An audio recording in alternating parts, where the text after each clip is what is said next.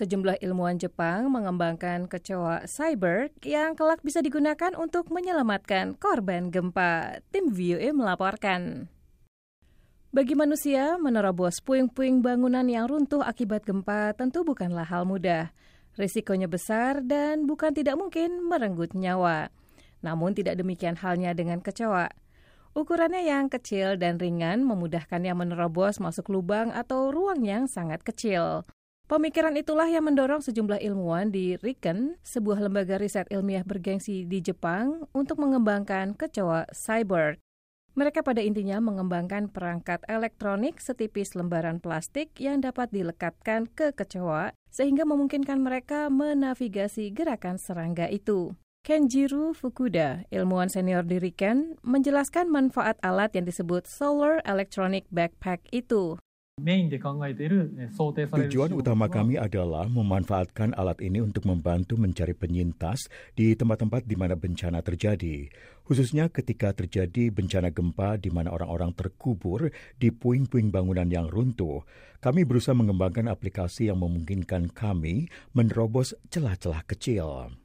Fukuda dan timnya memilih kecoa Madagaskar untuk penelitian mereka. Serangga yang suka mendesis ini berukuran cukup besar untuk bisa dibebani peralatan, namun tidak memiliki sayap yang bisa menghalangi gerak mereka. Tim Riken mengakui penelitian mereka masih jauh dari sempurna. Peralatan yang mereka kembangkan, contohnya, dilengkapi baterai yang tenaganya cepat habis.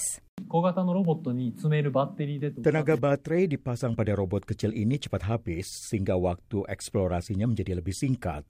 Namun serangga cyborg ini aktif bergerak sehingga listrik yang dibutuhkan sebetulnya juga tidak begitu banyak. Jepang terkenal sebagai negara yang sering mengalami gempa bumi. Badan Meteorologi Jepang memperkirakan ada sekitar 5.000 gempa terjadi di negara itu setiap tahunnya. Masyarakat umum kerap tidak menyadari tingginya frekuensi itu mengingat rendahnya skala gempa-gempa itu dan pusat-pusat gempa yang jauh dari daratan. Badan itu melaporkan sekitar 3.800 gempa dengan kekuatan 3,0 hingga 3,9 skala Richter tercatat setiap tahunnya di Jepang. Sementara itu, gempa dengan kekuatan 4,0 hingga 4,9 skala Richter tercatat rata-rata 900 kasus dalam satu tahun. Sekian laporan tim VOA, Arif Budiman, Lea Johannes.